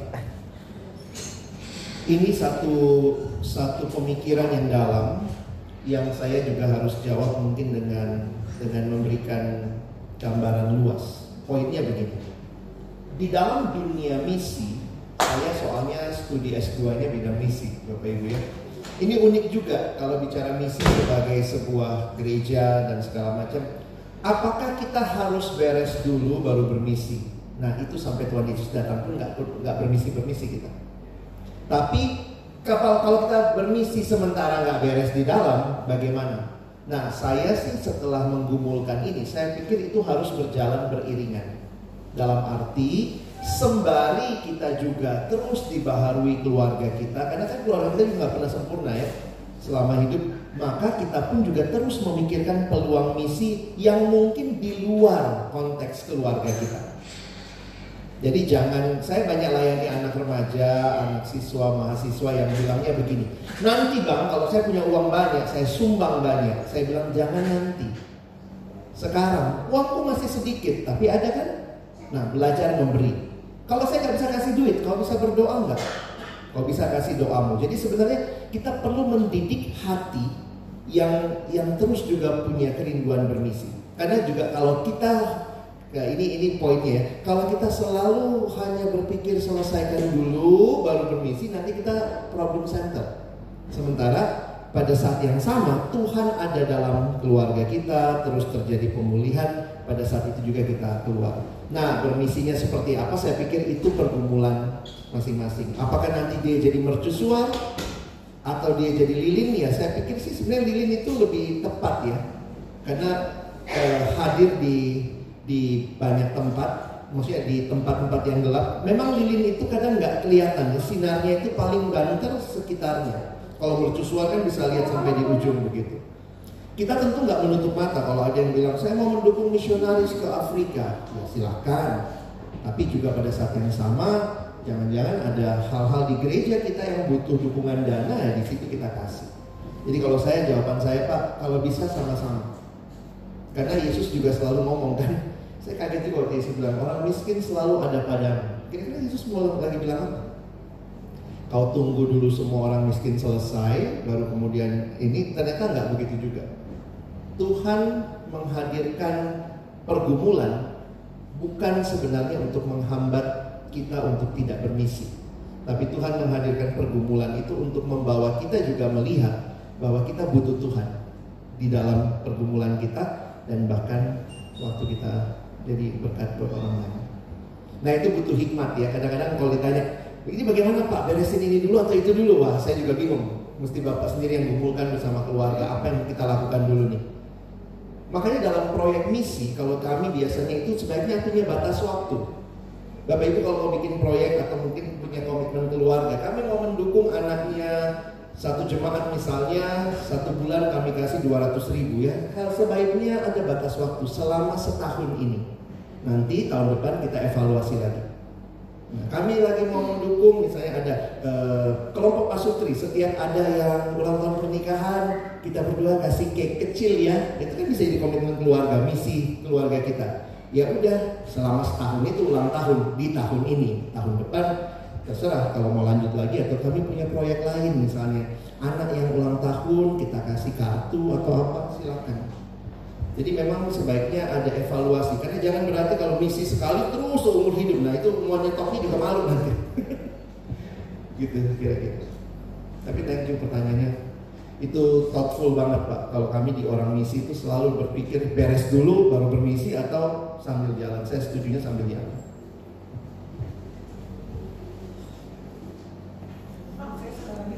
Iya. saya mau tanya kalau misi itu sebenarnya pada Kristen atau pada bukan keluarga Kristen ya Pak? Karena saya tuh sebenarnya keluarga saya uh, masih Hindu ya. Terus kemudian kemarin tuh adik saya cerai, gitu kan? Karena adik saya tuh cerai gitu ya, adik kandung saya gitu kan. Saya udah berusaha, kami berdua ya kita udah konseling segala macam gitu ya. Hmm, kita udah berusaha berupaya kita juga doakan, tapi akhirnya mereka tetap bercerai gitu. Mereka Hindu ya mereka Hindu gitu tapi kalau saya mau masuk lebih dalam bapak saya pun juga karena masih Hindu ya ya agak offend gitu ya bapak saya juga kebetulan uh, pendeta juga di orang oh, pemangku di sana. Pemangku gitu. Jadi kami tuh ada bukan ada konflik ya. Hmm, kami baik-baik aja justru malah tapi saya tuh kayak sebenarnya uh, saya kayak ini melihat itu sebenarnya pada pelayanan kami ya sebenarnya hmm. tapi kok susah banget gitu susah banget gitu masuknya saya mau bawa dia juga ke misalkan konseling gitu kan secara Kristen tapi nanti tersinggung orang tua saya gitu loh kamu bikin adik kamu jadi Kristen? Gak usah lah. Kalau mau Kristen Kristen aja sendiri. Gak usah ajak-ajak kami gitu kan. Jadi kadang saya suka apa ya uh, agak sedih gitu loh. Karena menurut saya mereka tuh seperti apa matanya tuh kelilipan gitu loh. Kayak nggak buka deh kayak ada kaca mobil tuh wipernya Iya, wipernya nggak. jalanin gitu loh. Dan saya merasa bahwa sebenarnya pernikahan mereka masih bisa diselamatkan gitu. Dan tapi orang tua saya prinsipnya nggak kalau kalau memang udah udah disakitin adik kamu kayak gitu udah Tinggal. ini bisa aja udah kelar gitu kan tapi saya pikir adik saya sampai saya kita udah uh, udah kasih uh, apa namanya uh, apa cerita gitu ya Hmm. kami juga pernah mengalami waktu itu juga kami sempat ya mau gitu juga tapi kan akhirnya Tuhan Pulihkan. ya. Eh, tapi karena mereka bukan Kristen gitu ya jadi nggak bisa mereka nggak masuk gitu loh dan kami mungkin juga saya merasa bahwa eh, nggak kuat juga kaminya gitu loh kami Hmm. juga mungkin belum belum siap juga untuk menjadi konselor buat adik kami Hmm, sendiri hmm. jadi pertanyaan saya adalah justru itu kejadian itu di keluarga besar saya yang which is masih Hindu semua ya di Bali gitu. Mereka tuh kayak biasa aja gitu kalau cerai gitu, ya udah itu cerai aja gitu kan. Dan itu kan akhirnya ya sekarang orang sekarang kan banyak konflik ekonomi gitu ya. Seperti itu sih Pak. Jadi maksudnya apakah bermisi itu hanya buat keluarga Kristen atau keluarga yang belum Kristen gitu? Baik, terima kasih Bu pertanyaannya. Istilah misi sendiri sebenarnya juga selalu jadi perdebatan kalau studi ya. Ini misinya itu ke dalam atau keluar. Nah, kemudian ada satu definisi yang saya suka dia bilang begini. Misi adalah sebenarnya apa yang gereja lakukan untuk di luar dirinya. Logikanya begitu. Misi itu apa yang gereja lakukan untuk di luar dirinya dan itu berarti tidak memandang Kristen atau tidak. Dalam arti begini, kalau kita punya tugas gereja ada yang namanya marturia, diakonia, eh, koinonia, itu semua poinnya banyak ke dalam. Diakonia di gereja kan biasa dikasih untuk janda atau apa ya. Nah, apa yang gereja lakukan untuk di luar dirinya secara terminologi misi itulah misi. Nah, kalau gereja itu bukan hanya gedungnya, berarti saudara dan saya juga gereja, maka sebenarnya kehadiran kita di tengah masyarakat juga adalah bagian dari misi Allah. Karena kita dipanggil jadi yang tadi ya garam dan terang. Nah, poinnya adalah eh, makanya ada kalimat gini ya. Pergi jadikanlah segala bangsa muridku. Kamu akan jadi saksiku mulai dari Yerusalem, Yudea, Samaria sampai ke ujung bumi. Lalu ada yang nanya, di mana ujung bumi? Nah, satu penafsir Alkitab bilang gini, ujung bumi adalah tempat di mana persis kakimu berdiri. Jadi sebenarnya kita nggak usah tanya lagi, di mana saya harus jadi berkat, di mana kakimu berdiri, di situlah. Di pekerjaan, di kantor, kalau bapak ibu hadir sebagai seorang profesional, itu kan juga mungkin nggak semua seagama sama kita. Kita di lingkungan keluarga kita, di di tempat tinggal kita dan seterusnya. Nah, termasuk tentunya di tengah keluarga. Cuma memang pergumulan keluarga ini kadang nggak mudah ya, apalagi dengan perbedaan kepercayaan. Nah, saya ingat satu prinsip aja. Ketika kita merasa sulit menyampaikan, bahkan menyampaikan apa yang kita harapkan, tapi kita kan nggak pernah sulit mengasihi. Terus saja mengasihi, terus taburkan kasih dan termasuk kiranya Bapak Ibu jadi keluarga yang tetap bersatu. Itu itu pun sudah jadi kesaksian bahwa kalau konflik keluarga mana sih yang ada konflik tapi Bapak Ibu tetap berjuang untuk bersatu. Nah mungkin satu waktu ketika mereka melihat kiranya itu akan Tuhan pakai lah jadi jembatan. Jadi Bapak Ibu jangan give up sama keluarga ya. Aduh masih sulit saya untuk dengar nasihat dia misalnya entah mertua atau apa tapi belajarlah mengasihi. Kasih memang nggak mudah. Ibu Teresa pernah bilang begini kalau kamu nggak sampai sakit sebenarnya kamu belum pernah mengasihi. Aduh kalimat itu kayak jadi kasih itu sakit ya? Ya iyalah, Yesus mengasihi kita sampai mati di kayu salib. Kita sampai apa? Belum mati ya? Mertua kita ada yang bunuh kita? Tidak dicakapi aja, ya puji Tuhan belum dibunuh kita ya. Jadi apa yang bisa lakukan? Belajarlah mengasihi, walaupun nggak mudah. Pasti nggak mudah. Ibu Teresa kasih ilustrasi gini. Kalau Bapak Ibu punya 10 pasang sepatu, lalu kemudian lihat orang butuh, biasanya kita kasih satu pasang ya. Nah, yang kita kasih itu yang bagaimana? biasanya paling jelek ya. Itu kayak udah otomatis ya. Wala- Walaupun kita bilang tapi ini masih bisa dipakai kok masih layak pakai. Itu kan cara kita ya. Tapi kemudian Ibu Teresa bilang begini, itu ngasih atau buang? Tipis bedanya. ya. Tapi apa yang Allah lakukan waktu dia mengasihi kita? Dia cuma punya satu anak. Dan satu anak, tapi dia tahu kita butuh. Dia kasih satu itu. Karena begitu besar kasih Allah akan dunia ini. Kira-kira waktu pengutusannya Yesus ke dunia, perpisahannya suasananya gimana? Saya membayangkannya sedih Kira-kira kalau malaikat kumpul-kumpul ini bayangan aja. Kumpul terus Yesus, eh asik, ya, Yesus mau ke mana mau dunia? Ngapain jalan-jalan? Enggak mati di salib. Ketika Allah mengasihi anaknya, dia sangat sakit pasti, tapi itulah kasih. Dia memberi the one and only. Kadang saya pikir gini, saya cukup, saya tuh mau, mengasihi kalau baik orangnya sama saya. Sebenarnya itu kasih atau sebenarnya cuma entertaining? Bapak Ibu cari aja mertua entertainer kan? Tapi karena mertua kita masih manusia berdosa, anak anak kita, edak kita atau mungkin abang kita masih manusia berdosa, maka sebenarnya kita dituntut setiap kali saya sulit mengasihi lihat salib. Di situlah Yesus mengasihi kita. Sakit banget. Tapi itu jadi keselamatan buat kita. Ya? Oke, Bapak Ibu harus lanjut acara lagi. ya, thank you. Saya bersyukur bisa sharing dan kiranya ke depan Bapak Ibu bisa terus hidup dalam Tuhan. Thank you.